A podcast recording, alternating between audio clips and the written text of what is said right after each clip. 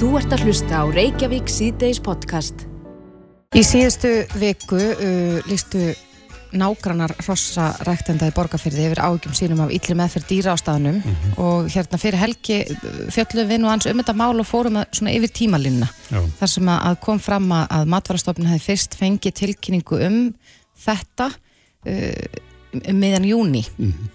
Og margir hafa gaggrínt þessa stofnun fyrir seinagang og í gær sendi matvarastofnun frá sér tilkynningu vegna málsins þar sem að sögðu að ákvarðan í svona málum geta verið mjög íþykjandi og þess vegna þurfum við að stíga varlega til jarðar. Mm -hmm. Já, Vísir sagði frá því í gæra að, að þessi umrætti bondi hafi verið sagaður í milla meðferð hross í borgarferði og var ákjærðu fyrir dýranir fyrir tefnum áratug, mm -hmm. var enda síknar í því máli en, en þar var eins og líst var hér í gærmeðlansi símatíma uh, halar brotnir á, á kúm. Akkurat. Og auðvitað, auðvitað er, er ræðilegt að heyra já, lýsingar og sjá myndir af, af eh, já, illa förnum skeppnum mm -hmm. vannærðum Ég held að sko óþólið er að verða meira gagvart slíkum álum hjá mm -hmm. almenningi en á línunni er e, þingunan Inga Sæland sem hefur nú sett dýravelferðamál svolítið ottin í sinnu umræðu upp á síðkast, kom til sæl Já, komið heil og sæl Já, hvernig slæðir þetta mál þig? Nú varst þú mjög fyrirferða mikil í, í hérna, blóðmerahaldsmálinu. Það slæði mig bara mjög illa. Mér finnst þetta bara vægast allt skelvilegt og maður verður bara horfægt auðvitað það í samfélaginu. Það ásist að sko því miður ótrúlega mikið að ytri meðferð á dýrum á þess að við í rauninni vitum af því og, og hérna til dæmis þá lendir flokku fólksins í því að til með fyrirverðandi frambjóðandi okkar hefur verið bendlaður ymitt við, við slíkt. Við þetta, þetta mál þá tiltekna mál eða?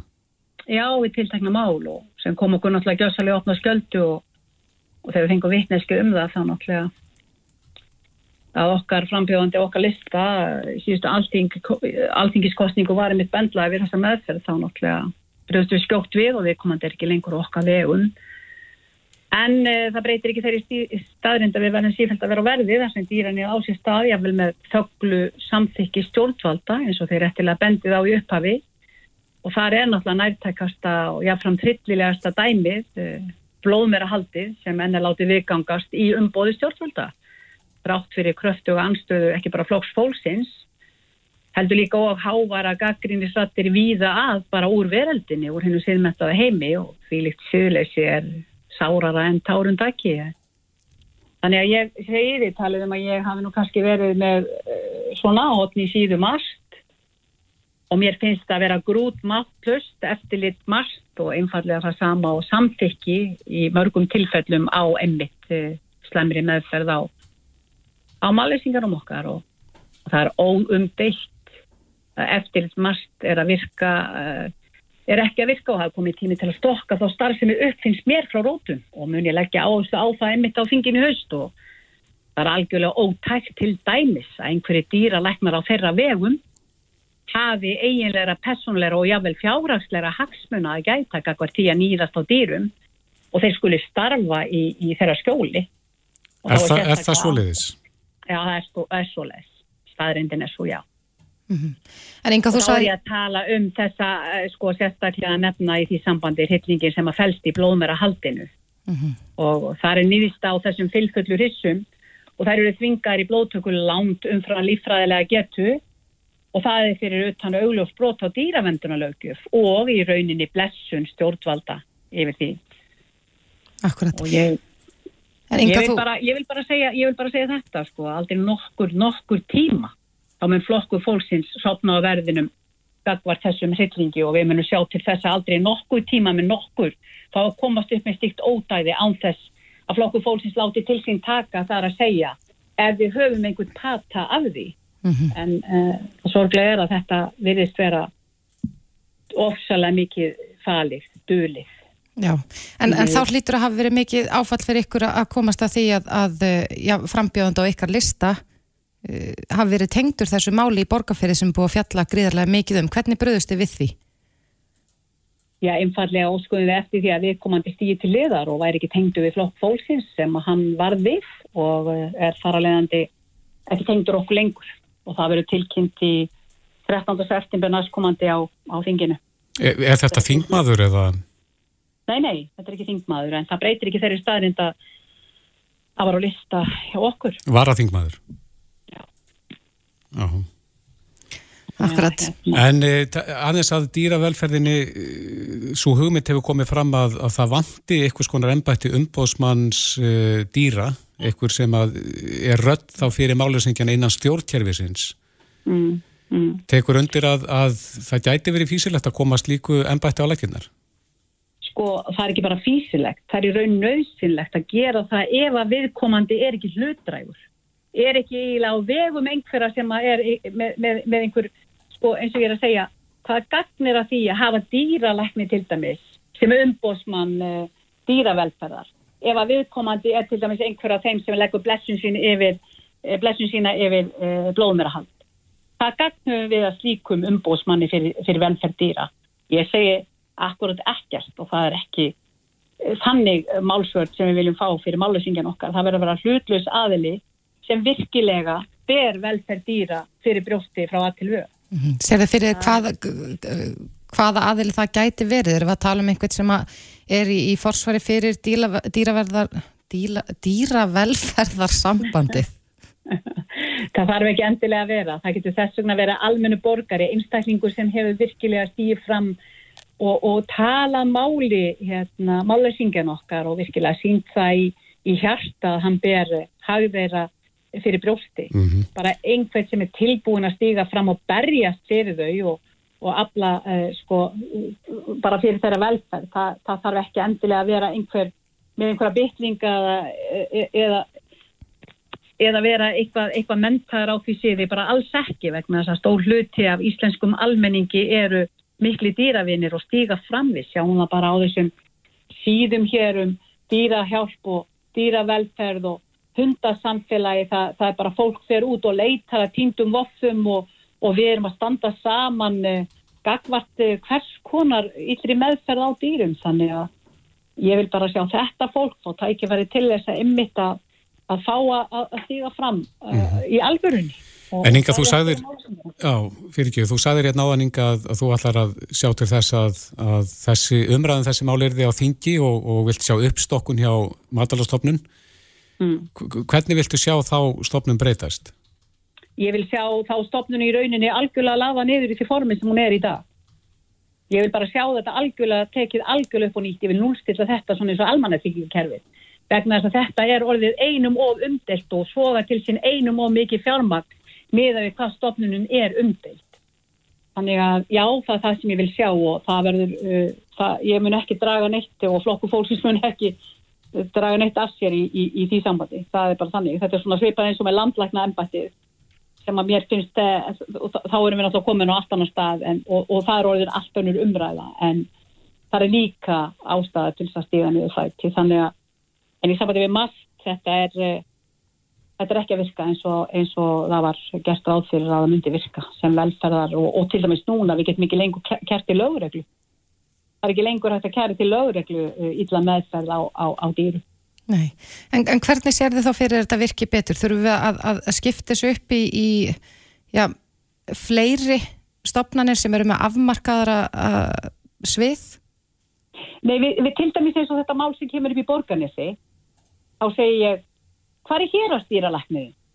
Sem kemur fram og segir, það þarf að stíga vallega til jarðar og það má ekki ganga fram í einhverju gassagangi hvað þetta var það er þessum ákveðna dýrarækni ekki lóa lægið að ganga að þessum hrossum og sjá hvernig í, í, í, í hérna ljósi þess hversu mentaðu dýralæknirinn er og lítur ekki að segja það hvort að dýri er gangandi beinagrindið ekki er þessum dýralækni ekki lóa lægið að sinna sínum verkum og sjá hvernig hrossin eru haldið.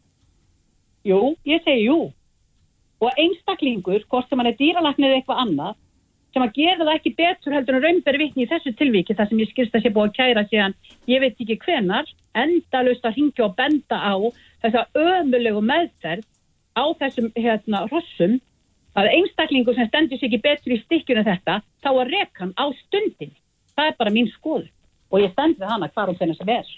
Hann er ekki starfinu vaksin Einmitt Inga Sæland, þetta eru ekki síðast orðin í, í þessu máli, við hefum eftir að heyra í í fórstjóra matvælarstofnun áður langt um líður en kæra þakki fyrir spjallið. Takk fyrir ykkur enn frekar að láta ykkur máli varla eins og alltaf. Takk. Þú ert að hlusta á Reykjavík C-Days podcast. Indislegt veður við að skvara landinu í dag, sólinn skín mm -hmm. og uh, þetta er nú frábær byrjun á, á septembermánu, ég man nú ekki eftir öðru eins. Nei, ég held ég takki undir það með þér. Já. En haustið, Já, það er nú eitt sem gerist alltaf á haustin Já. og þá kemur þing saman. Einmitt. Og uh, að þessu sinni eru blíkur á lofti vegna þess að uh, kjærasamlingar eru lausir uh, hjá mörgum uh, á næstunni. Já, en það hefur auðvitað mikið verið talað um, um efnags ástandið, um, vextir fara hækkandi, þeir Já. hafa hækkað. Mhm. Verðbólgan er, er ákreik, má segja, Mhm. og svo er, er margir sem að tala um það að já, hagur heimilana verður erfiðar í slíku ástandi og við erum auðvitað líka að segja bara verðhækkanir á matvöru, eldsneiti og, og þar mætti lengi telja Mhm. og í gær var hún Kristrún Frostadóttir uh, þingmaður samfélkingarinnar á, á, í bítinu og var að kalla eftir því að ef, í raun og veru talaði með hún væri bara hreinlega spennt að sjá uh, fjárlega frumarpið Mhm. vegna þess að nú þyrstu stjórnvöld að bregðast við bregðast við ástandinum með til dæmis einhverjum sértækum aðgerðum líkt og barnabótum vakstabótum og, og þar fram til göttunum. Já. Á línunni er fórstættis á þeirra, Katrín Jakobsdóttir, kom til sæl. Komið sæl. Já, hverju lögmið þið á upp í erminni í ríkistjórnin svona til þess að, að uh, tækla þetta ástand? Ég sagði þetta ekkit launungamál að, sko, að það eru blikur á lofti og raunar ekki bara í ár. Það er þetta við erum að koma út úr mjög erfiðu ástandi, tvekja ára heimsfaraldur sem er að klárast í raun og veru. Það sem við þetta þurftum að grípa til ímissa uh, aðgerða til þess að bregðast við og venda einmitt bæði hag almennings og ekki síður að tryggja að atvinnulífi geti náð viðspilnu. Núna stöndum við fram með fyrir allt annars konar áskorun. Við erum með stríð í Európu. Uh, við erum líka að sjá í raun og veru bara þá þróun allstaðar að verðbólkan er á flugi og nánast allir kollegar því ég ræði við eru að glíma við mjög háar verðbólkutölur og þar auðvitað höfum við ekki farið varsluta af henni. Uh, Kanski að einhverju leiti óvanalegt hér á Íslandi þar sem við auðvitað erum með söguna þar sem við þekkjum að hafa þurft að takast á við verðbólgu en þetta er svona saga sem já, flest nágrannarland okkar er að upplifa í fyrsta þinn kannski þeir sem standa í, í þar í stafni í politíkinni og að mörgu leiti stöndu við Íslandingar betur, ég menna við erum auðvitað bara að sjá ótrúlegar hækkanir á uh, orkuverði í löndunum í kringum okkur bæði þegar kemur bara hittaveitu og rámasni en eðlilega þá hérna, þurfum við líka að takast á við þetta hér heima. Og þar kannski höfum við sérstaklega verið að horfa á húsnæðismálinn sem eru stór þáttur í lífskjörum almennings hér á landi og skipti miklu máli að við náum auknum stöðuleika bæði til skemmri tíma og lengri tíma á þeim markaði. Já, hvað er að það gerir þeim málum? Já, við þetta höfum séð það því þið nefnir vextina og Er, vextinnir eru eitt af stjórntækjum Sælabankans en bankin hefur líka verið að beita nýjum stjórntækjum sem eru raun og verið tilkomin vegna lagabreitika stjórnvalda til þess að stabilisera húsnæðismarkaðin og það má segja það að við erum að sjá merki þess og þau byrstust í síðustu mælingu að það sé aðeins að komast þar aukin ró á. Til lengri tíma þurfum við hins vegar að tryggja uh, frambóð á húsnæðismarkaði. Og það, uh, þar höfum við verið að stíga inn, það er aldrei merkilegt á síðustu árum þá hefur bara sjaldan verið byggt jafn mikið á undanfjöndum árum. Íbúðum fjölgaði um 10.000 á síðustu þremur árum sem hérna var tölurverð fjölgun á íbúðum. En við erum samt ekki búin að ná því markja standa undir eftirspunni. Mm. Og þess vegna hefur Sigurður Ingi innviðar á þeirra núna undir þetta rammarsamkomla við sveitafjölun og við erum að vinna útfæsla því þannig að við með okkar, með okkar leiðum í gegnum svona félagslegar aðgerðir getum lagt okkar að mörgum til að tryggja auki frambóða húsnæði til lengri tíma. -hmm. En eins og Kristrún saði hérna í gæra að, að þá er, er svona ástand eins og ríkir núna, já það bytnar kannski helst á þeim sem eru tekjulegstir á, á uh, já, ungu fólki, á, á fólki á leikumarkaði, á, fjölskyldum með ung börn. E, stendur til að koma á einhverjum sértakum aðgerðum til þess að stedja við þann hóp? Já, það er auðvitað svo. Óstöðuleiki efnarslífinu byggnar einmitt alltaf verst á þeim sem sko höllustum fæti standa. Það er alltaf þanga sem við þurfum að beina stuðningum og það gerum við þetta líka í, í COVID-inu. Þó að sko áskorunum væru aðra þá, þá það er svo merkilegt hvað um, sko, umskiptin eru snögga fyrir ég kannski líklega bara rúmi ári var ég að tala við ykkur um það hvort að atvinnuleysið er því okkar starsti vanda á þessum tímapunkti núna. En það hefur auðvitað snúist við og við erum í raun og verið með mikil umsvið og verðbólgan er orðin starsti vandin. Og það var auðvitað það sem við gerðum strax, þar sem við fórum strax í það að ekka greiðslur almannantrygginga. Við vitum það öll að þau sem eh, njóta launa almannantrygginga eru hópur sem oft stendur höllustum fæti. Við fórum strax í það líka að ekka húsnæðarstuðningin að því að þau sem eru á leikumarkaði eru líka annar hópur sem við vitum að oft erfitt með að taka stáfi sveiflur. Við erum að endur skoða því að húsnæðistuningin til lengri tíma uh, af því að það er held ég mikilvægt að við náum svona breyri sáttum það hvernig við viljum haga stuningins ofinbæra uh, í húsnæðismálum og síðan höfum við þetta verið að vinna því að við höfum verið að fjölga þeim fjölskyldum sem eiga rétt á barnabótum og ætlum að vinna áfram út frá þeim markmiðum að styrka það kerfi. Þannig að við brunumstu þetta strax við á miðju ári en við þurfum líka að ná og það er mikið vægt fyrir stjórnvöld að við náum þessu jafnvægi að við séum ekki að auka þennstuna með okkar aðgerðum en stöndum um leið vörðum en tekju legstu. Mm -hmm. En e, blíkur á lofti segiru, það, það er það svo sannarlega og nú eru kjara samninga lausir hjá mörgum á vinumarkaðanum innan tíðar. Hvaða skoðun hefur á, á því eða óttastu það að hér geta allt farið í bál, bál og brand? Já, það getur auðvitað alltaf farið í bál og brand. það er auðvitað þannig bara eðli mál sangkvæm. En um leið hef ég nú þá trú á fólkinu sem sittur við samningaborði, hvort sem er verkalýsum eða atvinnureikendur. Ég veit að þetta er allt fólk sem er að vinna af heilundum og, og getur náð uh, samningum sem eru fastbælir fyrir íslenskan almenning, fyrir landsmenn alla og mér fannst það pakast mjög vel 2019 þegar við náðum lífskjara samningunum. Uh, þá var auðvitað líka búið að spá rosalegum átökum og ég held að þeir samningar hafi reynst gríðarlega vel fyrir fólki í landinu og ég vonast í þess og hef þá trú á þessu fólki því ég þekki þetta allt ágjörlega að að það muni leggja allt fram um það að ná góðum samningum mm -hmm. fyrir alla landsmenn. En það vil líka verið kalla eftir því meðal annars fyrir Erik Jónsson, formað BOM, að, að menn byrji fyrr að tala saman. E, Býð ekki þanga til að samningar eru mm. lausir til þess að byrja samræðina. Tekur undir það að við mættum vera kannski tímalegri í, í, í þessum málum? Já, sko, í fyrsta lagi auðvitað mættum við vera tímanlegri. Það er alveg það er staðurinn sem enginn getur neytað að hér eru fólk oft í raun og veru ekki að ná samningum fyrir en eftir að samningar verið lausir í tölvöðan tíma og það eru þetta eitthvað sem er uh, mikilvægt að reyna að breyta. Sko almenna reglan hefur verið svo, almenna markaðurinn hefur samið fyrst og ofinbæri markaðurinn svo og samningur á almenna markaði losna fyrst en við höfum sagt uh, skýrt að ef heldar samtök ofinbæra starfsmann að vilja að byrja samtalið uh, til þess að undirbúa kjærasamninga þá mun ekki standa okkur. Mm -hmm. Og við erum náttúrulega búin að vera að sitja við sko saman við þjóðarsborði þar sem sitja fulltrúa frá bæðu ofinbyrjufélagunum, ASI, samtökum maturlífsins, sveitafélagunum og ríkinu.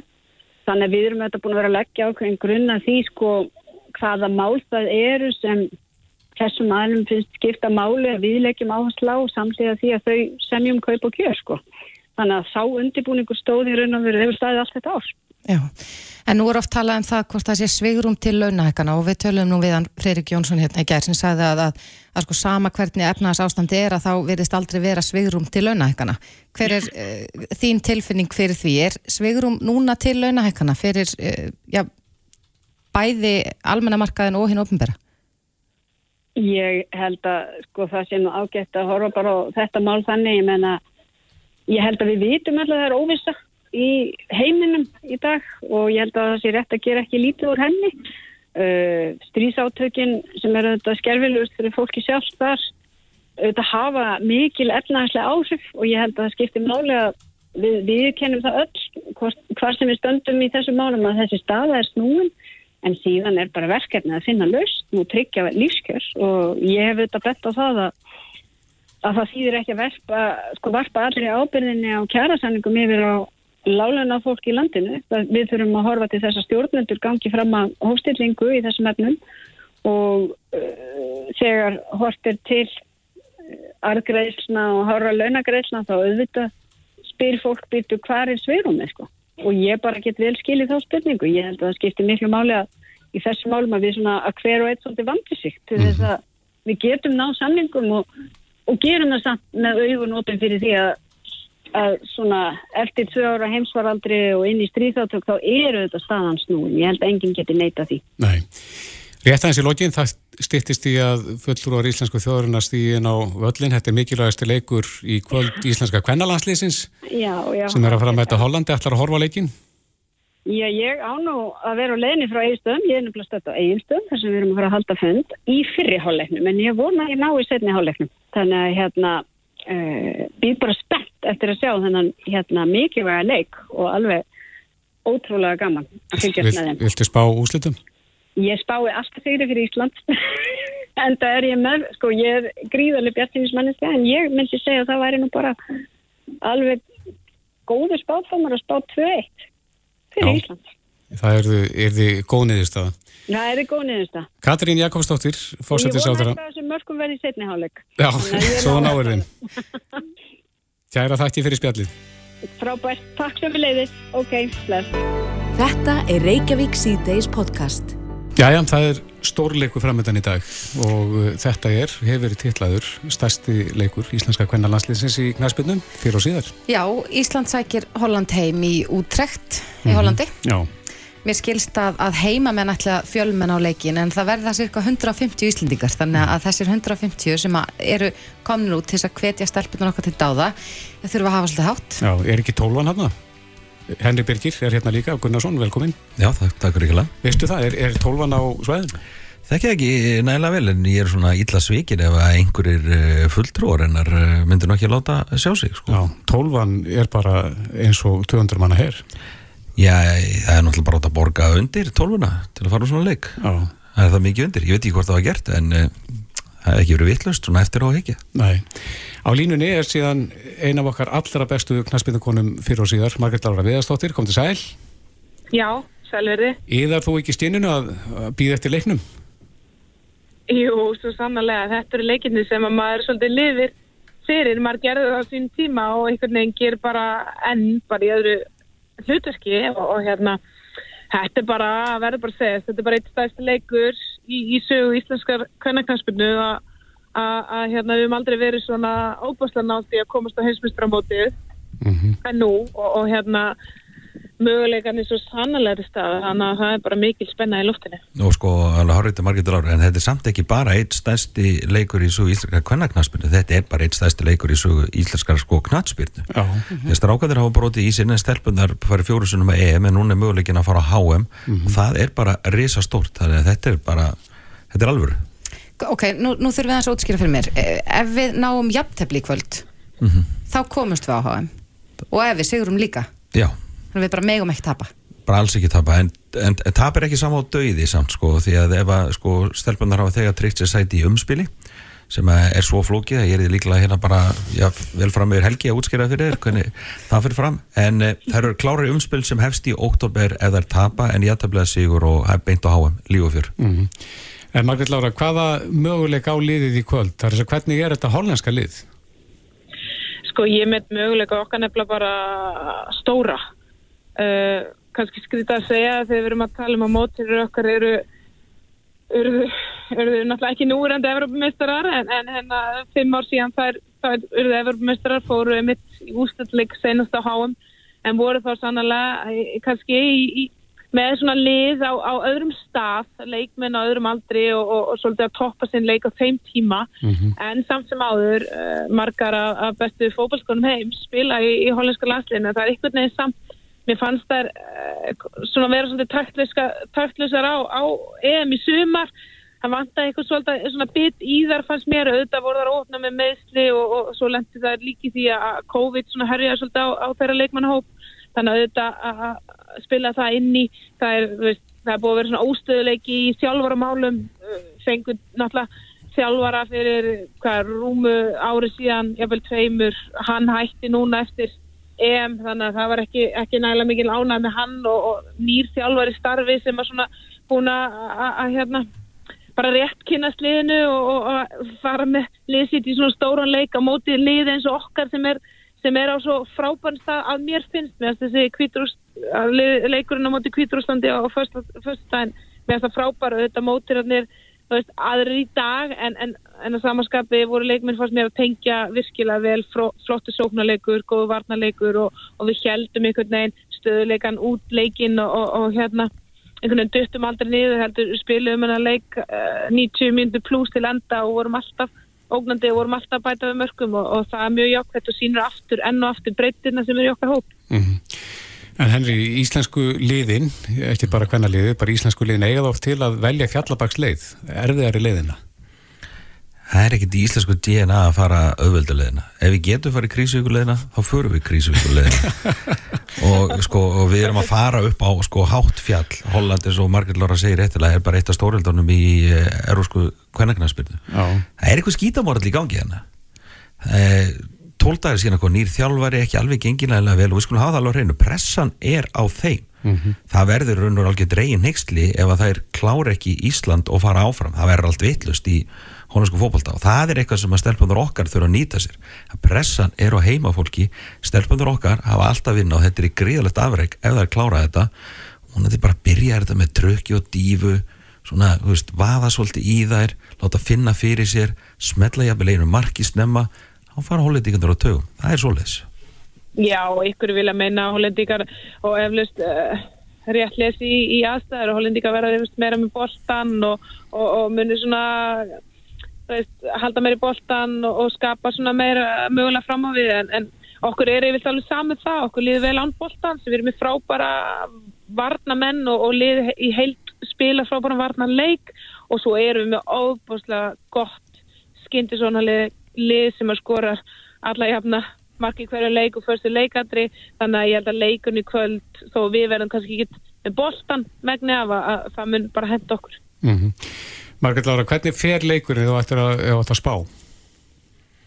ég ætla bara að vera mjög djörf. Ég hef bara óbúslega miklu trú á, á stelpunum okkar. Mjög þar, eins og áðan það er í góðum takti, okkar bestu menn Sara Björk, Lótis Perla Sandra í markinu Sveindi, það er virkað í hörku, hörku standi, er að spila sem topp fótbolta núna, mjög jákvætt og hérna, ég vil segja við vinnum að leik tvögt, ég veit að ég ég kannski, þetta er svolítið djörf en, en ég hef bara það miklu trú og, og ég veit að líka bara að stelpuna þrá þetta heitt. Þær þrá þetta mikið, ykkur er búin að vera í þessum sporum, ekki kannski alveg þessum en, en hafa áttin að drauma að komast á háum áður, nú er draumunum bara það nærri að, þá horfum við ekki tilbaka, við horfum bara fram og upp og, og, og við klárum þetta kvöld Henry, Heyrðu, ég elska svona góðar aksjómyndir og dramamyndir. 1-0 fyrir Holland 89. mínúta langt innkast frá Sveindísi í öfnum 89-12 á klökkunni allt brjálað, Ísland áfram Ég tek því þetta líka, það er þetta bara miklu betur úrslit Ég held að þetta verið spennandi við hefst klukkan 18.45 og, og við auðvitað hvetjum alla til þess að fylgjast með leiknum en Margrét Lára Viðarsdóttir og Henry Birgir Gunnarsson. Takk kærlega fyrir þetta. Takk svo leiðis Þetta er Reykjavík C-Days podcast. Ég hef lengi talið með vera svona frekar tæknilega, svona, svona hlind tækni, en ég er ein af þeim sem hefur eiginlega bara aldrei talað við tölvuð að snetttæki. eh, ekki á ennsku heldur. Nei, ég bara er ekki eins og með kveikt á Siri í símanum mínum. Ég á bara algjörlega eftir að uppgöta þetta. Já, já. En ég er samt kannski pínu bjart sín að, að ég muni frekar gera það þegar ég get talað íslensku. Já.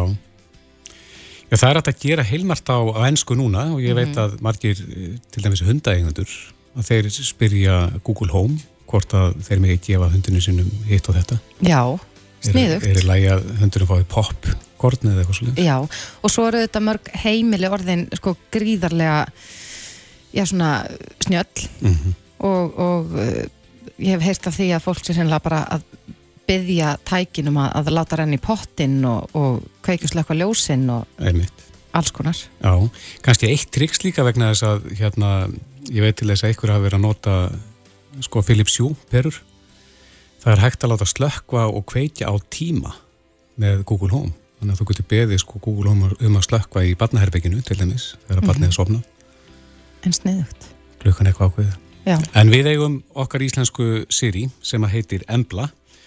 Og það var eh, verkefni í gangi í sumar sem var styrta nýsköpunarsjóði námsmanna eh, það sem að var verið að er verið að reyna að koma íslenskunni inn í tækin og þeir eru komnið til okkar Lógi Ejjólfsson og Jóhann Karlsson frá Emblu, velkomnist okkar Takk fyrir það, takk fyrir að fá okkur. Takk fyrir.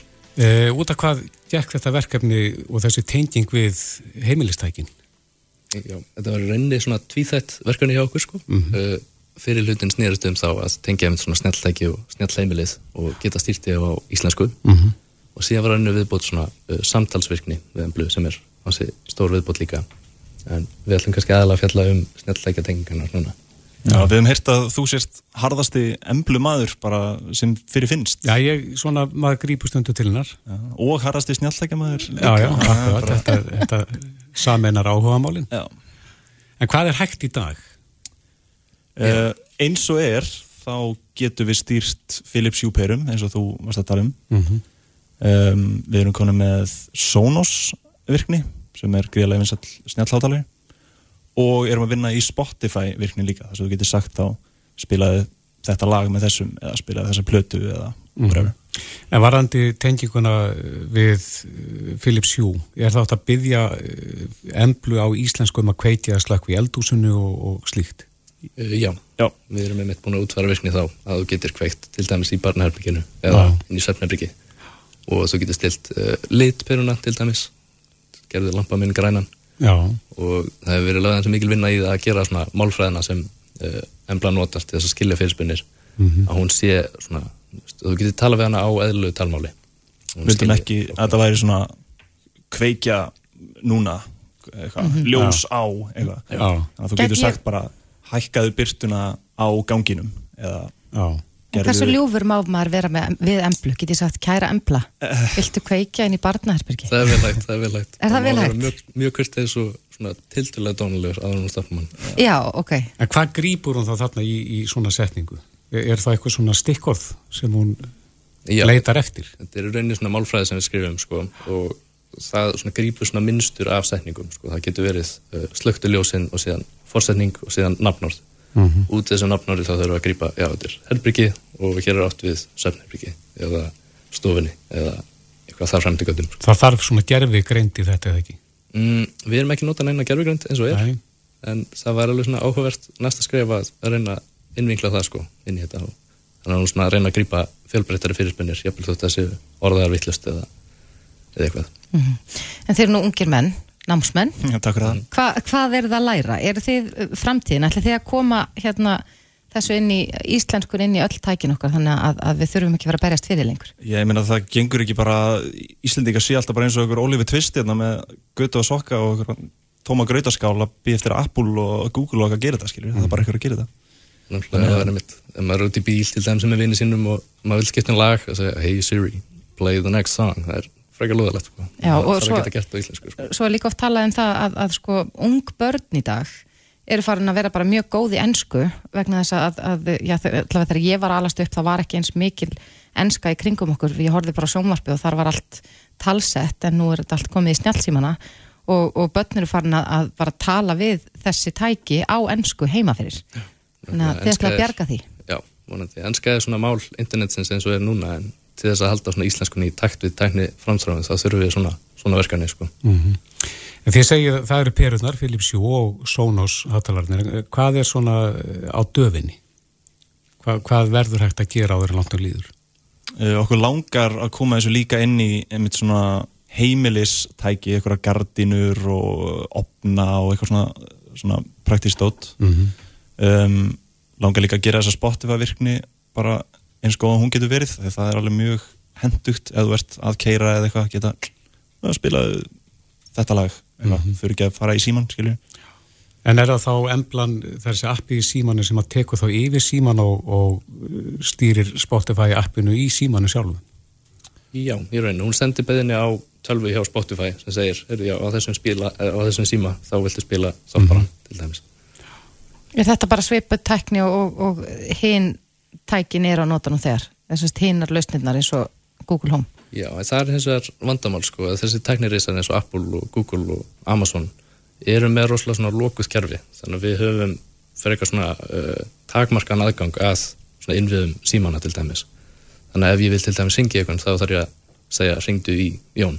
Og síðan þurft ég að ít að taka því að Apple myndi ekki lega mér að ringja frá beint. Mm -hmm. en vonandi fer þetta að opnast sko.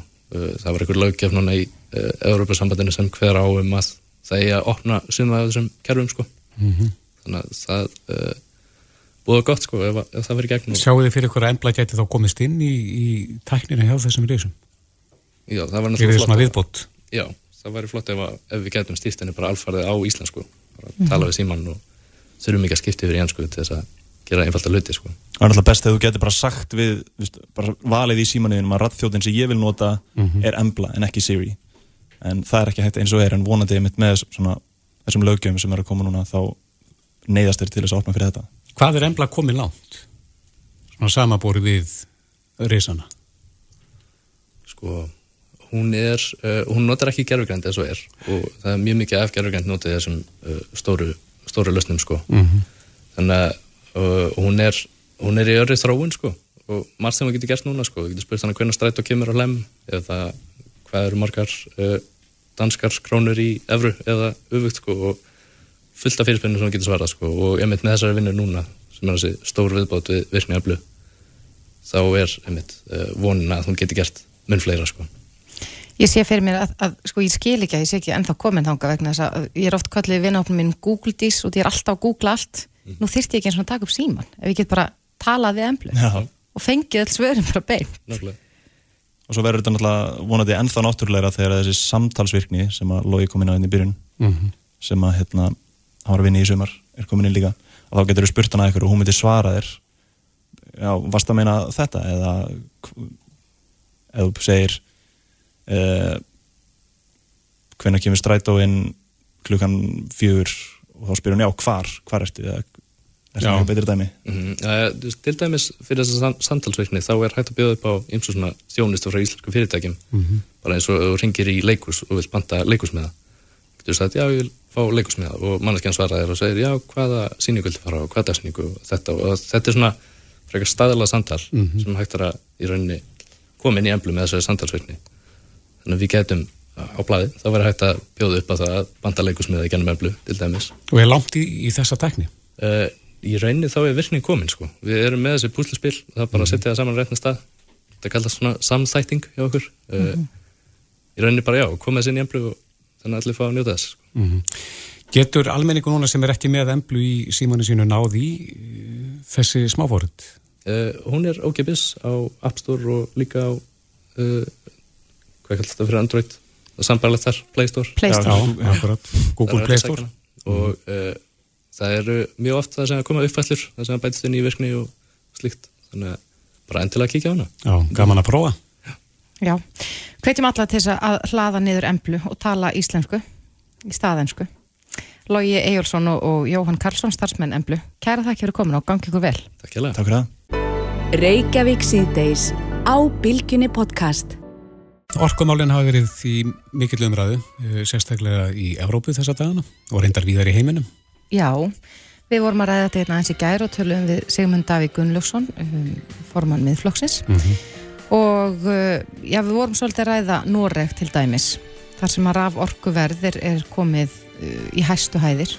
Mikil óanægja meðal almennings þar út af hækkun á orkuverð og raf orkuverði, sérstaklega. Mm -hmm. Og dæmið það eins og sagt var frá í fréttablaðinu í ágústmánuð að það voru svíjar að selja norðmönnum aftur norska rávorku á herra verði. Mm -hmm. Þannig að þetta rávorkan var komið ring. Já, en, en svo, langar náttúrulega ekki sérstaklega að ræða of mikið um orkupakka nummer fjögur. Nei. Það var mikil umræða um uh, þriði orkupakkan mm -hmm. og það mun koma því að við þurfum að ræða fjórða orkupakkan, sjálfsagt. Einmitt. En... Um, Já, það er spurning, hver, hver eru svona næstu skref? Hann segmundur Davíð talaði líka um að við ættum að fara að nýta gas á drekasvæðinu. Já. Hvað segir Guðlugur Þór, Þórðarsson um hverju sá þar að við því kontur sæl? Já, við hverju, það er að mörg að taka. Hvað er það sem við lífið? Já, við byrjum bara á drekasvæðinu eins og hún nefndi þetta síðast hún Þórdís. Hann, hann nefndi það í gær, hann segmundur Davíð að við ættum að fara að snú okkur að því að leita gasi og, og vinna gas á drekasvæðinu. Jú, jú, það er nú verið lögjöf í gangi mjög lengi sem að hefur heimilað það en það hefur nú ekki verið nýtt einhverju hluta vegna og síðan er það í stjórnarsáttmálum að við ætlum ekki að nýta þessa hluti á, eh, þessu kjörtíðanbili og uh, nú er stóra verkefni okkar og það er mjög mikilvægt að allir séu meðvitað um það að við erum með mjög hálít markmið þegar kemur loftlagsmálunum. Mm -hmm. Við ætlum að losa okkur við 1,3 miljónir tonna af CO2 á 7 árum og það er stórt verkefni og þá þurfum við að við erum loftlagsglerun á allum hlutum uh, bæði orkuöflun og síðan nýta orkun eins og allra best. Ég, við erum eins og, þið voru nú að ræða hér áðan, að við erum í lánsum, uh, við erum með græn orku uh, og það voru fólk sem að gekk hér undan og uh, tók ákvörnum það að nýta íslenska endurni orku. Og einhver hefur haldið, það og það hefur verið auðvelt pólitísk barata, það var það fullkom nýskilningur. Fyrst fórum við í orkuskiptin þar sem fórum og nýttum græn ork, orkunakkar þarna og byggum til ramagn og það var slagur um það. Síðan eftir að uh, við búum á höfuborgarsvæðinu og svo sem annars af landinu vorum búið hittið með kolum og það var líka farið í gas að uh, þá var framsýnt fólk sem að uh, fekk það í gegn að við nýtum heita vatni okkar til að, að hýta upp húsin okkar og eina sem er eftir af, af gammal tíð er það að ég fara á hlem að það sjáðu í gasstöðina það er eina sem er eftir að gasstöðinni sem var og hún var nú alveg var, uh, slegin af 1950 eitthvað og eina sem er eftir þar er, er hús stöðastjórans og uh, það er afskaplega mikilvægt að við leggjum áfram áherslu á græna íslenska endurlega og nýjulega orku Mm. En þessi hugmynd að, að tengja raforkukerfi íslenska við það evrósk og selja raforkun okkur úr landi, hvernig hugnast þið það? Það verður ekki gert á minni vakt. Akkur ekki? Það því að ég tel að við eigum að forgámsraða í uh, það sem að uh, við ætlum okkur sem er það að vera uh, kórefnið slutlaust árið 2040 og við ætlum á stórum árangra árið 2030 og þá veitir okkur ekkert af því eh, sem við eigum, ég veitir um þetta að vanda okkur og hafa jafnbæði í þessu, þá eigum við að, að leggja það áherslu að nýta þá orku sem við ætlum að nýta eh, hér heima fyrir. Ef einhver tíma kemur upp svo staða eh, að við framlegum það mikið af, og sem við erum ekkert að sjá í fyrir sjálflega í framtíð, að við munum framlega það mikið að raðelsniti og það séum sjálflega ekkert að að flytja eitthvað út af því að þá, þá þetta gerum við nægar nægt hér heima en við hljóttum að leggja áherslu á að ná loftasmarkuðunum okkar hér á Íslandi. Og þegar við náum því að þá mun allir hagnast á því. Uh, sannarlega umhverfið en uh, líka við Íslandingar því að það með styrkja okkar samkjöfustöð eins og fyrir orkuskipti hafa gert mm -hmm. Já, þú talar um að þetta, það mun ekki gerast á þinni vakt að við fyrir að selja rávorkuna til Európu, en einhverju nú bænt á það að það er því gríðarlega hagkvæmt fyrir þjóðabúð að gera það, en, en er, er staðan þannig að við bara eigum ekki næga orku til þess að vera að flytja núr landi? Það er ekki fyrir sjánleiri framtíð, ekki með við, nema við færum í einhverja slíkar, slíkar aðgerðir, en, en síðan er það bara þannig að, að við á síðasta kjörtjum gengur þannig frá því að þú verður að fara með frumvarti gegnum tingið til að uh, heimila lagningu sæstrengs. Og vísum þær hugmyndi sem hafa verið í gangi en fyrst og fyrst verið að senda það til Breitlands sem að tengist á ekki Evrópumarkanum eða ES-markanum en við erum, al erum alveg fullt í fangi með að ná fram okkar loftlagsmarkuðu uh, og uh, meðan að svo er að þá verðum við að vera með einbeitinguna þar því það er ekki hagstættur íslenskt þjóðabú ef við getum ekki framleitt græn orku fyrir okkur til að ná loftarsmarknum. Því það sem við erum að gera, að við erum að taka út bensín og dísel og við erum að setja græn orku í staðin. Og uh, þá verðum við eiga það orku. Og uh, þetta er mjög stórt verkefni, þetta er miklu minna verkefni heldur en heimuristendur framlýð fyrir. Og þetta er á mikillir hraðferð núna og uh, það stríði í Úkrænu ein, ein af afleggingu þess er það að menn eru að hraða þessum ætlunum mjög í sérstaklega í Evrópu en líka annars þar í hinnum. Mm -hmm. Við erum lansum að eiga þessa grænu orku hér, en, en hvernig gengur okkur í orku stiftunum sjálfum? Það er að segja, hvað vantar mikið upp á til þess að við getum stíðið þetta skref til fulls? Ég, það vantar nú uh, mikið upp á, en við erum sko næst fremst í heimi þegar kemur að, að samgöngum, uh, en við erum bara með 11% af fólksbyrðarflottanum sem er uh, vistvænt. Um síðustu áramót, það er nú búið að hækka mikið núna á þessu ári. En síðan eigum við eftir eh, vöruflendingabílana, stærri bílana og, og sendibílana. Eh, við eigum eftir innanlandsflugið. Eh, við eigum eftir eh, bæði eh, sjárópdrein og síðan middelandarsiglingarnar og síðan er langt, langstæsti þátturinn er eh, en þó svo við sem fáum með þjóða þá var fyrir COVID að þá erum 8 miljónum færþegar sem fór í gegnum kemlaðið og uh, allt sem bendir til þess að við náum því hratt upp aftur eða við erum ekki búin að ná því. Mm -hmm. Þannig að það er, er stóra verkefni, það er farþegar flugið. Það er, það er stærsta einstakaverkefnið, mm -hmm. en hinn verkefni sem ég nefndi þarna eru líka stór.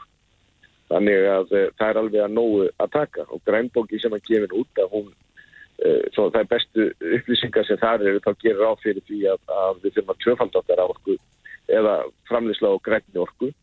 Uh, hins vegar er það, sko, er það lítið með heiminn að hann þarf að áttfalda til að ná þessi markmiði. Er þetta stækka þessa virkjanir sem eru nú þegar til staðar ná meira út úr þeim eða þarf að virkja meira?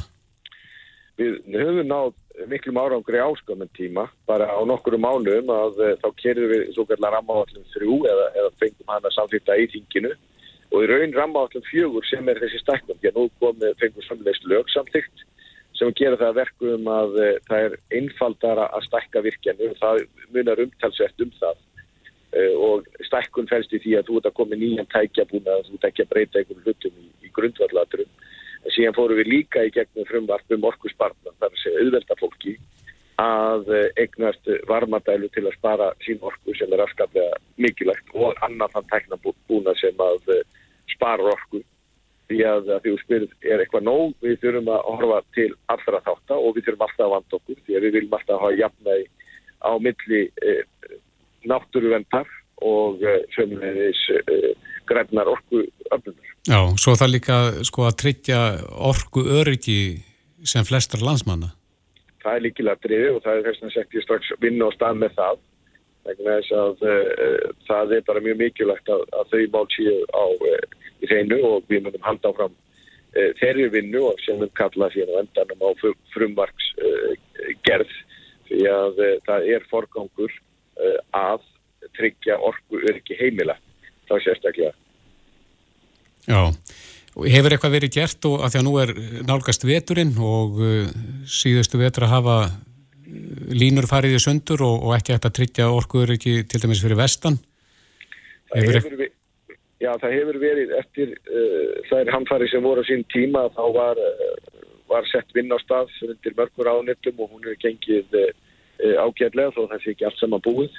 Við erum að líta sérstaklega til orkumála á vestfjörðum sömulegis Vestmannheim sem er svona eh, bara þætt eh, svæði sem þarf að líta sérstaklega til mm -hmm. en, eh, en hins vegar er náttúrulega líka stóra myndin og það hangir alveg saman orku öryggi í því öllu saman. Við erum ekki hér að ná þessum árangur í lofthagsmálun nema orku öryggi sitt í staðar en jáfnveg þó við setjum okkur ekki þau markmið að þá þurfum við alltaf að hafa orku öryggi til staðar. Einmitt. Guðlugur Þór Þórðarsson umhverfisráð þar að kæra þakki fyrir spjallið. Já, takk sem er leiðis. Hlustaðu hvena sem er á Reykjavík C-Days podcast. Já, ég með Reykjavík C-Days. Eh, Heilbyrðistjærfið er náttúrulega í eldlínunni eins og mhm. oft áður og þá kannski helst eh, þjóðarsjúkur á sig okkar, landsbytalinn. Já, í morgun í bítinu var eh, við tal við hann Theodor Skúla Sigursson sem er formaður félags sjúkrahús Lækna. Mm -hmm. uh, hann segir að ástand á landsbytalinum sé óásættanlegt og nú höfum við líka fengið fregnir af því að, að fjölmarkir hjúkunarfræðingar hafa sagt upp störfum. Já, vegna álags við annars. Og það hefur nú reynda verið bóðað að það stendur til að breyta rekstri spítalans. Það hefur verið talað um það að það séu of fáar hendur á dekki, þar að segja fólk sem að, á beinsamstifti við sjúklinga. Já, hér uh, fyrra á árunni, ég held að það hafi nú bara verið núna í sömar að þá, þá var nú viðtal við eh, formannir að stjórnalandsbytalans þar sem hann sagði að það voru fjóri til fimm skrifstofumenn eh, hafi verið ráðunir mm -hmm. á síðustu árum á móti einum klínískum starfsmanni. Já, akkurat. Og margir veltiði fyrir sig hvort að þetta væri já, rétt þróun. Já, nú Björn Sóeika, formadur stjórnar landsbytalans og fórstjóri Karolinska Háskólasjúkurásins er á línunni, kom til sæl. Já, sæl. Já, það er talað um stöðu heilbríðstjærfisin sem að er að starfsfólksins mjög slæm. Hvað, hvað telur þú að þurfa að gera og hægt að gera núna með stöttum fyrirvara til þess að reyna að rétta kursin? Ég uh, get ekki alveg segja að það sé uh, hægt að gera eitthvað meira sem vera að gera núna svona, til spittri tíma síðan uh, en það hef ég ekki kannski alveg allar tölur að fórsund sem segja það. það er, ég veit að bæði fórstjóri spítalans og, og, og uh, frænkvæmsfjóð spítalans er að reyna sitt allra besta til að gera það sem hægt er að gera núna uh, með stuðningi frá, frá uh, helbriðsraðandunu. Þannig að, að ég get ekki sagt að ég hafi ykkur fleiri hugmyndir en það sem hefur verið að reyna að vinna í núna uh, að gefa í þetta. Það sem við horfum á í stjórnin er kannski meiri uh, já, sem meiri langtíma þróun á, á stefnu hvert við erum að fara og, og, og hvað við getum gert þess að, að með okkar reynslu að, að hjálpa stjórn spítalans í þeim. Mm -hmm. Er að framkvæmsum spítalans og Já. fórstjóra. En þú hefur talað um það að það þurfi fleiri klíniska starfsmenn eh, á móti skrifstofufólki. Hva, hvað flokkar undir klíniska starfsmenn?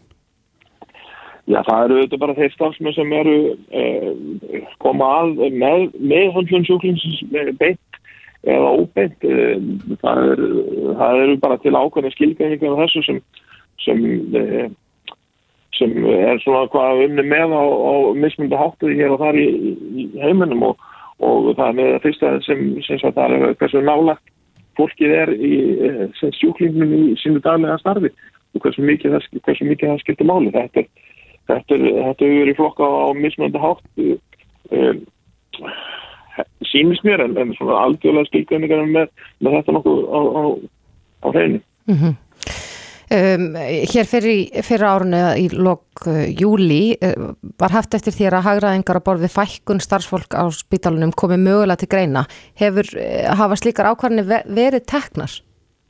Nei, það er held að sé það er ekki, ekki tímabært að taka slíkar ákvarðan núna, það er eftir þessi ákvarðanir fjárreitinga til, til spítalans en, en það er algjörlega augljóst að, að, að þegar að, að klíniski lutin, að segja klíniski lutin á spítalanum er ekki, er ekki nógu vel mannaður, það vantar, vantar hjúkunarfæðinga og, og það verður þess að það vantar eitthvað að laknum líka.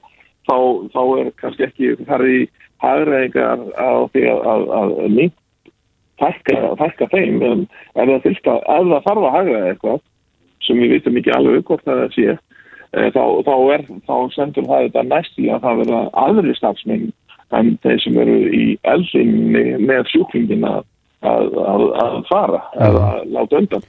En eins og segi, það er ekkert er ekkert, líkur ekkert fyrir þessa stundin það hvernig, hvernig það verður en það saði það í þessu viðtali að þetta væri bara einn af möguleikunum sem myndi koma og verið að kíkja á og þá nefndi ég næstu ár sérstaklega. Já, en nú eru þessi hjókunarfræðingar að hætta vegna álagsins á, á spítalanum og, og á sama tíma er talað um að þurfi fleira klínist starfsfólk eins og þú nefnir það. Hvern á að, hvern á að bregðast við þessari stöðu sem kominu upp? Fólki flýr en það vantar fólk? Já, það vantar fólk og ég, ég veit bara að, að, hérna, að, að fórstjórun og, og aðri sem eru að vinna við þetta á, á hvernig degi er að reyna að gera bestu til þess að eitt að gera álæðið hóflegt, tvö að reyna að finna eins mikið af starfsfólki sem getur gert þess að getur staðið þessa vinnu eins og eins og, eins og þarf þessi, þessari klíniska vinnu. En, en, en það er auðvitað mjög óheppilegt að fólk hættir og og, og, og, og um, það þarf auðvitað að reyna að glíma þetta á, á besta mögulega hátt. En, en það, er ekki, það er ekki það sem formaði stjórn koma að beinum, að beinum hætti en nokkur hátt. En við bara styrjum stjórnum styrjum við. Það er, það er, það er helstu gjörðir eh, fórstjóra sem, sem, og kvæmkvæmstjórna sem er við að ráðast í. Mm -hmm. þannig að það er engan, töfralösning til þessu, þetta er auðvitað bara að vinna Það má benda á að þetta er heldur ekki sér íslenskt fyrirbliði. Þetta er, er, er, allstaða núna í svona, hvað að segja, vandamáli eða mjög mjög freyring á helbiðistansfólki eftir, eftir COVID-varaldrun og, og ég sá bara tölur síðast frá, frá bandaríkjunum þar sem að, að, að hérna á síðasta ári hafa 30% tjókunarfæðinga í öllu landinu skiptum vinni. Mm -hmm. Er þetta þá bara svona langþreytt starfsfólk eftir mikið álags tímabil? Já, það er bara mikið álags tímabil, það verið andlega mjög erfitt, mjög mikið óvisa, það hefur verið, það hefur lengt í aðstæðan sem aldrei geta ímynda sér og, og, og, um, og svo er það líka um, starfsfólk sem er ekki vant við, við það að sjá fólk vera alvarlega veikt eða degjandi að setja þær aðstæður vegna að, að það þurfti að setja allar hendur á, á dekk eins og sagtur og, og, og, þá, og það var til þess að, að eða hefur viljast að voru til þess að sömur hafa eh, ákveða að breyta um starfsveitlang Akkurat. Ég var að tala við, við, við fórstjóra hérna háskólusjúkrahúsins í, í, í Barcelona hérna fyrir tveim vikum og hann nefndi mig sögur á því að það hefði nokkru hjúkrafæðingar orðið sem hefur ekki vanið að vinna á gerðislu en látnið með gerðislu þetta góð til að það er svo kvektur eftir það þeir hættu sögðu bara upp og þeir getur fengið gamla starfið sér tilbaka og fluttum þessu úr borgin þegar það voru svo illa haldin. Já. En, en uh, Björn, áðan myndist þú á langtíma aðgerri sem að stjórnin kemur að til, til þess að styrkja stöðu uh, landsbítalans. Hvaða aðgerri eru það helst sem að já, verið er að ráðast í? Já, við erum svona, fyrir að fyrsta er við að skoða e, fjármögnarmótel e, e, sjúkrósins, hvort það stendst og, og hvernig, það, hvernig það verður. Það er eins og, eins og við kannski veitum þá búið að leggja stað með með það að byrja á, á það sem er kallað þjónusutengt fjármögnun eða DRG fjármögnun. Eitt er líka að það er að, að skoða eins hægt og hægt er hvernig við erum að eða hvernig spítalna á að vera uppbyggður stjórnskipilega, hvernig skipurutið er að líti út og, og hvernig við erum að, að fá einfalda það eins mikið og hægtir til að fá sem mest út úr, út úr þeim þegar hæfilega líka fólki sem vinnur á spítalunum. Mm -hmm. En byggilistarnir þeir, þeir lengjast uh, og það hefur nú oft verið kallað eftir því að það verið leitað út fyrir spítalan til þess að reyna að, að vinna þessum byggilistum. Serðu það fyrir þér að, að það verið að leita til enga aðeila til þess sérstaklega meðan að staðan er svona slæm? Það er, ég held að það sé ekkit ómöld að, að það verið gert sko en, en, en eins og segja það er einhver, einhver leiti er það á borði landsmítalans en mjög takmörku leiti en, en eins og segja þetta er þetta er kannski meira stefna fyrir alls landið og, og, og stefna fyrir alls heildiðiskerfið frekar en, akkurat bara smörsmál fyrir landsbyttan þetta er ekki bara landsbyttalamál með byggistan, þeir eru á fleiri stöðum Já. En sér þið fyrir þér að, að, að það ég gæti hjálpað að grípa til einhvers konar tímabundin óræði þeim efnum til þess að, að já, bæta stöðuna vegna þess hver slæm hún er orðin? Já, já það, það, það er alveg möguleiki að, að það er gert og, og, og við þurfum bara að sjá til hvers, hvernig, hvernig við og hvernig framkvæmstjórn stjórnspítala sér það sem möguleika þá er ég alveg vissum og sem, sem er hægt að gera þá er ég vissum að, að stjórnum mun, mun stuðja við það. Mm -hmm. Er það ráðið þessari stöðu líka eins og í þessum lækna og hjúkunarfræðinga skorti að fjölga í námi og reyna að útskrifa fleiri? Uh, já, mér sínist nú það uh, vera uh, voru bæði, bæði reknað út og, og svona, hvað maður segja um, já, við fyrir það að reknað út en, en reynslan múið sín okkur við höfum ekki metta ná við erum að, að, við, að það er þannig að, að það þarf að metta fleiri hjúkuraflæðinga það var metta fleiri sjúkralega. Mér sínist þú að metta fleiri lækna þegar við erum með eitthvað með 30 og 40 lækna sem útskrifast uh, úr þeir eru fóksinu grunnmettum í öðrum, öðrum löndum og koma svo hægt sér að vinna en mér sínist það nú verið að þá því það sé þörf fyrir fleiri en þessa 60-62 sem eru núna í, í gangi í, í, í hérna per ár mm -hmm. í landsveginni. Þannig að það, þetta er einn af hlutum sem sem við höfum litið til og erum að, erum að hvetja okkar fólk áfram með að, að vera í samstarfi við, við háskóla, segja háskólana, þess að akkur, háskóla akkur kemur líka að þessu, mm -hmm. hugurafæðingana og við þurfum að, við þurfum að ég segja að það er bara meiri svona lengri tíma hugsun því að, að í helbiðskerfið við þurfum að meira fólki að halda í framtíðinni, við þurfum aldrei fá nóga af fólki held ég og við þurfum líka að hugsa um hvernig við gerum hlutinu öðruvísi sko, sem verður ekki eins mannfrekt eins og núna, því að það verður ekki ángu upp. En miða við stöðuna á landspítal núna, getur við tekið við fleiri nemum inn á spítalina til þess að, að, að fara í áframhaldandi nám og, og það sem að í raun og veru er á herðum spítalans? Já, og okkur í stjórninu hefur við tjáð að það sé möguleiki. Akkurat. Er hægt að bæta mörgum við þar? Nei, það er, það er út frá mismöndi forsendum getum við sagt en, en það er það er hægt að bæta í og ég held að það sé nokkuð ljóst að, að það, það, það er hægt Já, en við veitum ekki töluna það, það er ekki alveg frágengi allt svona er auðvitað að fara að vinna í samstarfi við, við háskólan sem ber ábyrð á, á náminu þannig sé Já, við skulum vera bjart sín á að, að eh, ástandi muni batna en Björn Sóega, forstjóri Karolinska Háskóla sjúkrósins í Stokkólmi og formaður stjórnar landsbytalans. Kæra þakki fyrir þetta. Já, takk sem þess Reykjavík síðdeis á Bilginni podcast. Við erum nú ofta að fjalla um heilsuna já, og það er bara hitt besta mála að tala um, eh, já þá hluti sem að kannski skipta máli svo maður haldi heilsu sem lengst. einmitt. Um daginn var ég að ræða við öldrunarleikni sem sagði mig það að eh, já, við erum eins og við sjáum nú bara fréttum og, og öllum tölum að við erum farin að lifa lengur en hins vegar, hins vegar er staðan svo að við erum farin að sko, já, lifa verð, má segja. Við erum að verða veikari Já, eftir því sem að við eldumst. Já. Já. Og það er ekki gott. En galdurinn lítur þá að vera að reyna að halda góðri hilsu sem lengst. Akkurat.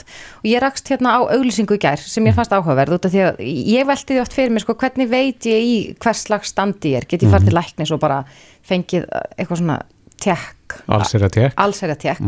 Ég veit ekki hvort það sé hægt. Það er hægt. Já, það er hægt, ok. Aldrei gert það. Þyrfti kannski að fara að gera það. En Livja er farin að bjóða upp á svona heilsufarsmælingu þar sem að, að sérþjálfaði starfsmenn veita ráðgjöf út frá niðurstöðunum sem kom út úr þessari heilsufarsmælingu. Já, hvað er það mæl? Það er nefnilega stóra spurningin og þess vegna er hún sérst hjá okkur, hún urður Gísladóttir Nordal, yfir hjúkunarfræðingur hjá Livju, kom til sæl. Sæl. Já, hvað eru það að mæla í heilsufarsmælingu? Herru, við erum að mæla einsta þætti sem að að geta svona gefið til kynna hvernig heilbriði bara almenn, almenn heilsa er hjá fólki og þá erum við aðalega oftast erum við að mæla blóðþristing, blóðsigur og blóðfitu eða kólestról og hérna járn eða hemoglobin. Þetta er svona þessar helstu mælingar sem við erum að bjóða upp á.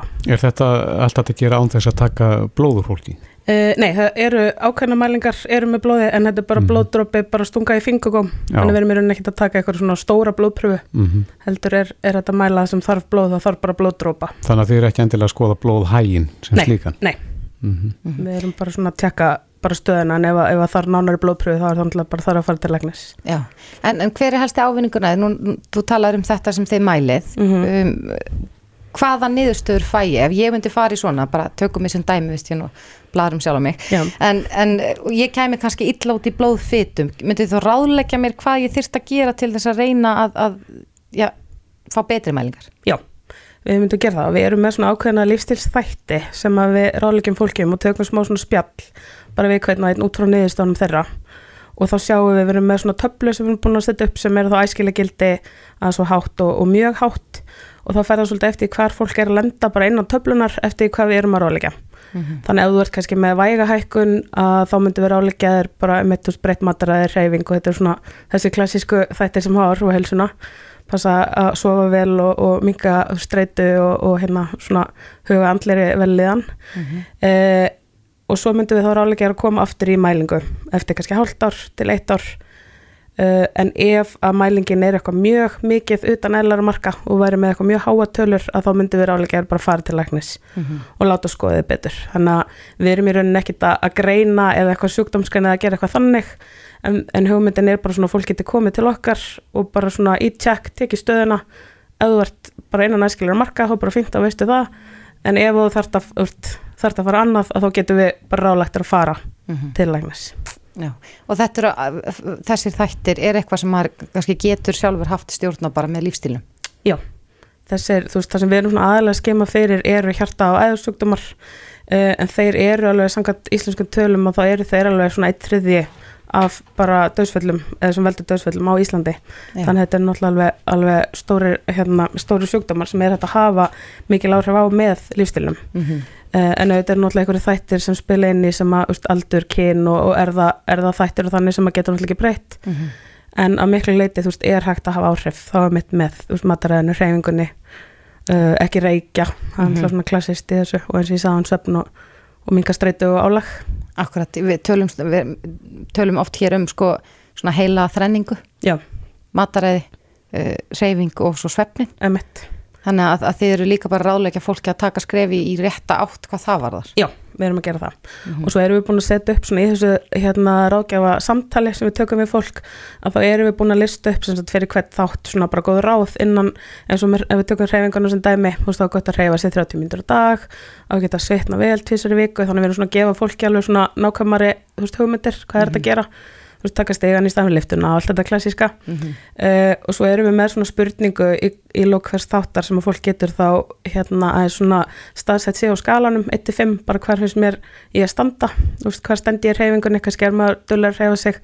Og finnst manni vera á, á skalanum 5 þar. Og svo kannski ef við höfum matræðinu þá kannski að ég kannski þrýr þar þá get ég tekið mig á. Þú veist þannig að það erum við svona að gefa fólki að svolítið svona tól til að bara svona hjálpa þeim að meta veist, þannig að þetta er ekki bara, veist, ertu óhollur eða hollur, heldur en þetta er allir þessi þrý þættir og kannski ert að gera veist, mjög vel í einum en, en einhver annar sem þú getur Já. bætt þig. En eh, hefur það eitthvað tíma gerst í svona heilsufarsmælingu að, að já, gildin er bara þannig að, að já, bara tilöfn til þess að hafa áhyggjur og, og að, að fólk þurfi bara að leita sér læknisaðstofar að gæti hreinlega verið eitthvað meira að er hægt, að, veist, er hægt með þessum gildum og þessum mælingum að skema fyrir því hvort það séu alvarlegri sjúkdómar að baki? Eh, Sko við erum aðalega að skeima fyrir hjarta og eðursjúkdómum þannig að jú, við höfum alveg lendið því að fólk er kannski bara með rosalega háan blóðþyrsting og við höfum hringt á sjúkrabíl og sendt fólk bara strax upp á bráðmáttöku og þá náttúrulega, náttúrulega metum við líka hvernig fólk er oft með einkenni og, og þannig sko, en við erum svo sem þú veist, þetta, jú, getur haft alveg hægt að segja til um hjarta eðursjúkdómar sikursíki, nýrnarsjúkdómar geta líka hár blóðþyrstingu, geta verið merkjum um byrjun að stegi nýrnarsjúkdóma en annars ekkert svona Nei. ekkert þannig En á, á hvað aldri er fólk sem að, kemur í svona? Er þetta fólk á öllum aldri sem að, vill fá svona stöðutek? Já, í rauninni sko uh, við höfum alltaf mælt með að bara allir hugsi að, hugi að heilsunni sinni og sé, veist, maður sé meðvitaður um hana hvernig maður stendur Mhm. uh, en það er alveg veist, svona talað um, ég held að sé talað um inn á hérna eins og hérna hjá hjartavenda sé mælt með að, fólk eftir færtugt láti fylgjast með sér meira reglulega Mhm. og þessi lífstilsjúkdómar er eitthvað sem geta, veist, geta þróast með aldrinum Akkurat. þannig að það er alveg, já, gott að, gott að svona upp frá miðum aldrei bara að láta fylgjast með sér reglulega Já.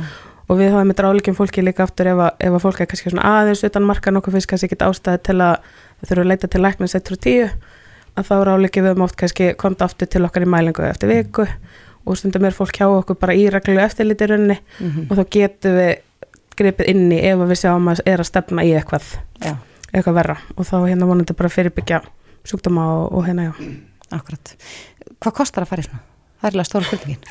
Eh, Þetta er í kringum 4000 krónur pakkin Mhm. og þess að þessar mælingar sem við erum að bjóða upp á við erum að bjóða upp á mælingar í völdum útibúum Livju, það er ekki í öllum útibúum en það er þetta bara nálgast. Inn á livja.is er þetta sjá lista Já. yfir útibúin sem að bjóða upp á þetta. Eh, en svo erum við með hjúkurna þjónustu sem er opinn í Livju í Lámúla og Smártorki og þá erum við að taka hérna, erum við að taka járni þar en járnmælingin er til dæmis ekki búið í hinnum útibúinum þannig við erum svona aðeins ítalegri og þá það, kostar það aðeins meira. Það er, já, er í kringum svona 4000 Já. Og panta maður tíma? Nei, maður er ekki Bara tíma, bara mætir Já. uh, og fara, já, fara niður stöðnar og bara, já, getur labbað inn og út hugsa bara einfalt og, og þægilegt og, Akkurat, að fá aðeins að taka stöðuna á, eh, já, helsunni. Já, algjörlega Urður Gísladóttir Nordal, yfir hjúkunarfræðingur hjá Livi. Kæra þakk fyrir komuna.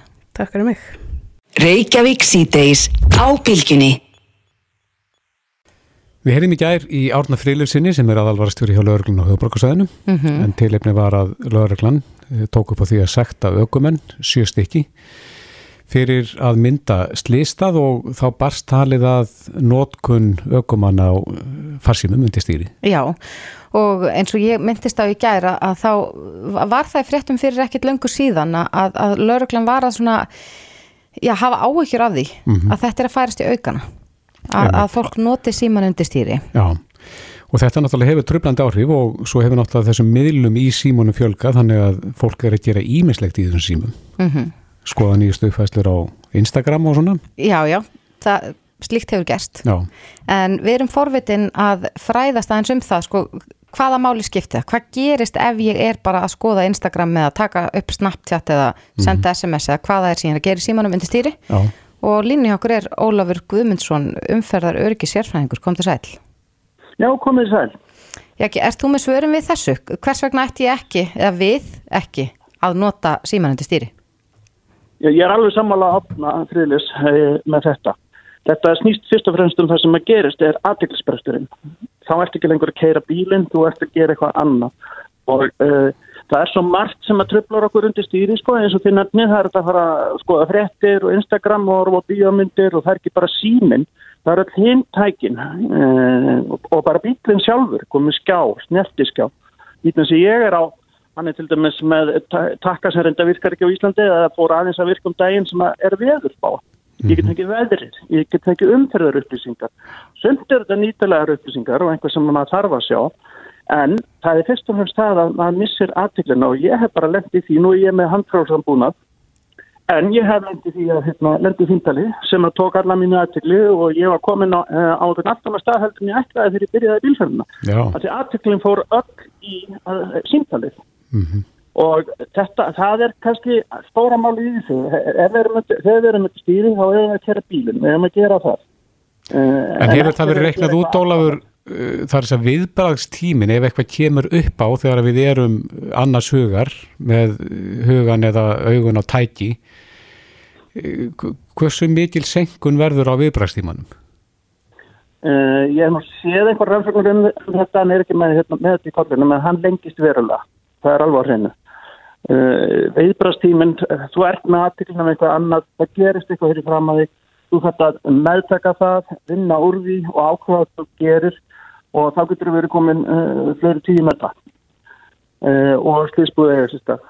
Þannig að það er alveg hreinu, allt sem tekur aðtiklina frá okkur með við erum að keira er til skada og það þarf ekki endilega að vera snabbt eitthvað svolítið bara læti í bílnum uh, reyfriðdi, þú veist að vera að tala við þá sem er í bílnum. Uh, þetta hefur allt þessi sömu áhrif að deyfa aðteglina gagvart því sem að raunverulega skiptir máli á þessi kundu sem er það að kera bílun mm -hmm. En það hlýtur þó að vera verra að vera ekki með augun á veginum Já, maður getur Ná, nú alveg kannski lengt í því að, að missa hans aðteglina ef maður er í, í símtali handlar hans búna eða bara tala við börnin í aftursætinu eða hvað sem það er en, en þegar að fólk er ferða að lúta höfði og horfa niður á símaskjá? Já, já, það er bara það sem að gerist og, og þegar ég fyrir sér að kera ellendis uh, þá hef ég bara sagt í bílunum þegar ég er hraðbrutum eitthvað slúðis að ég er komin á 120-30 km hraða sem er umferðar hraðin þar þá byrjir ég bara fólkum að láta mig í friði. Ég bara þarf alla mína orku og allan aðtöðinu til að kera bíluna þessum hraða. Mm -hmm.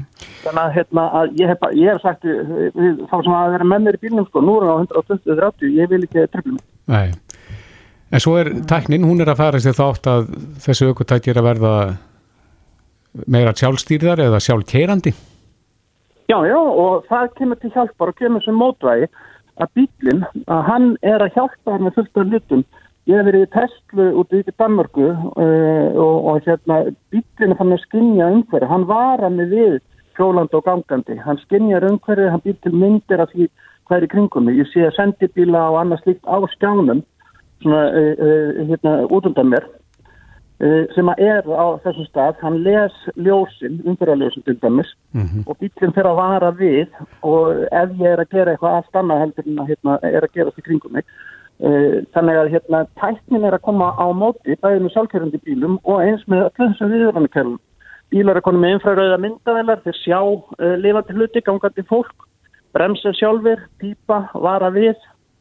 Þannig að þetta kemur allt sem á móti en það breytir ekki þessari staðrum. Að meðan við erum að kera bílum og þessi tæknin við komum meira heldur morðið er, nú þá verðum við að kera bílum. Það er þetta svolítið og, og, hérna, og passa okkur á því að láta ekki eitthvað annað vera að tröfla okkur. En á móti kemur líka að það er auðvitað upplýsingar sem við þurfum að sjá eins og umferðartættur. Það er komið inn í öll kerfi erlendis að, þú ser bara í leysöðu kerfi bílsins hverfi tættur, vegavinna, uh, annar leysöðu kerfi fyrir að leipina er að fara annað heldur og þú varst kannski búin að ákveða, mm -hmm. komast fram hjá tættunum.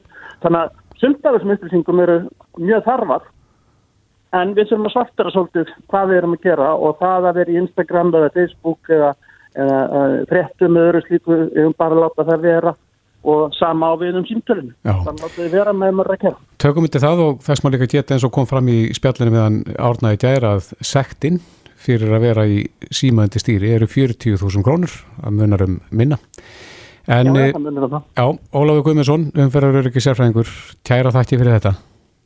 Takk sem leiðis. Þá er bara komið að loka hjá okkur, það ekki? Jú, við erum svona núna rétt um það byrja sigli mark. Já, og við erum búin að fara um viðan völl í dag og ætlum að gera slíkt þess sama á morgun. Heyrumst aftur uh, á slæðinu klukkan fjör. Já, þanga til, góða stundir.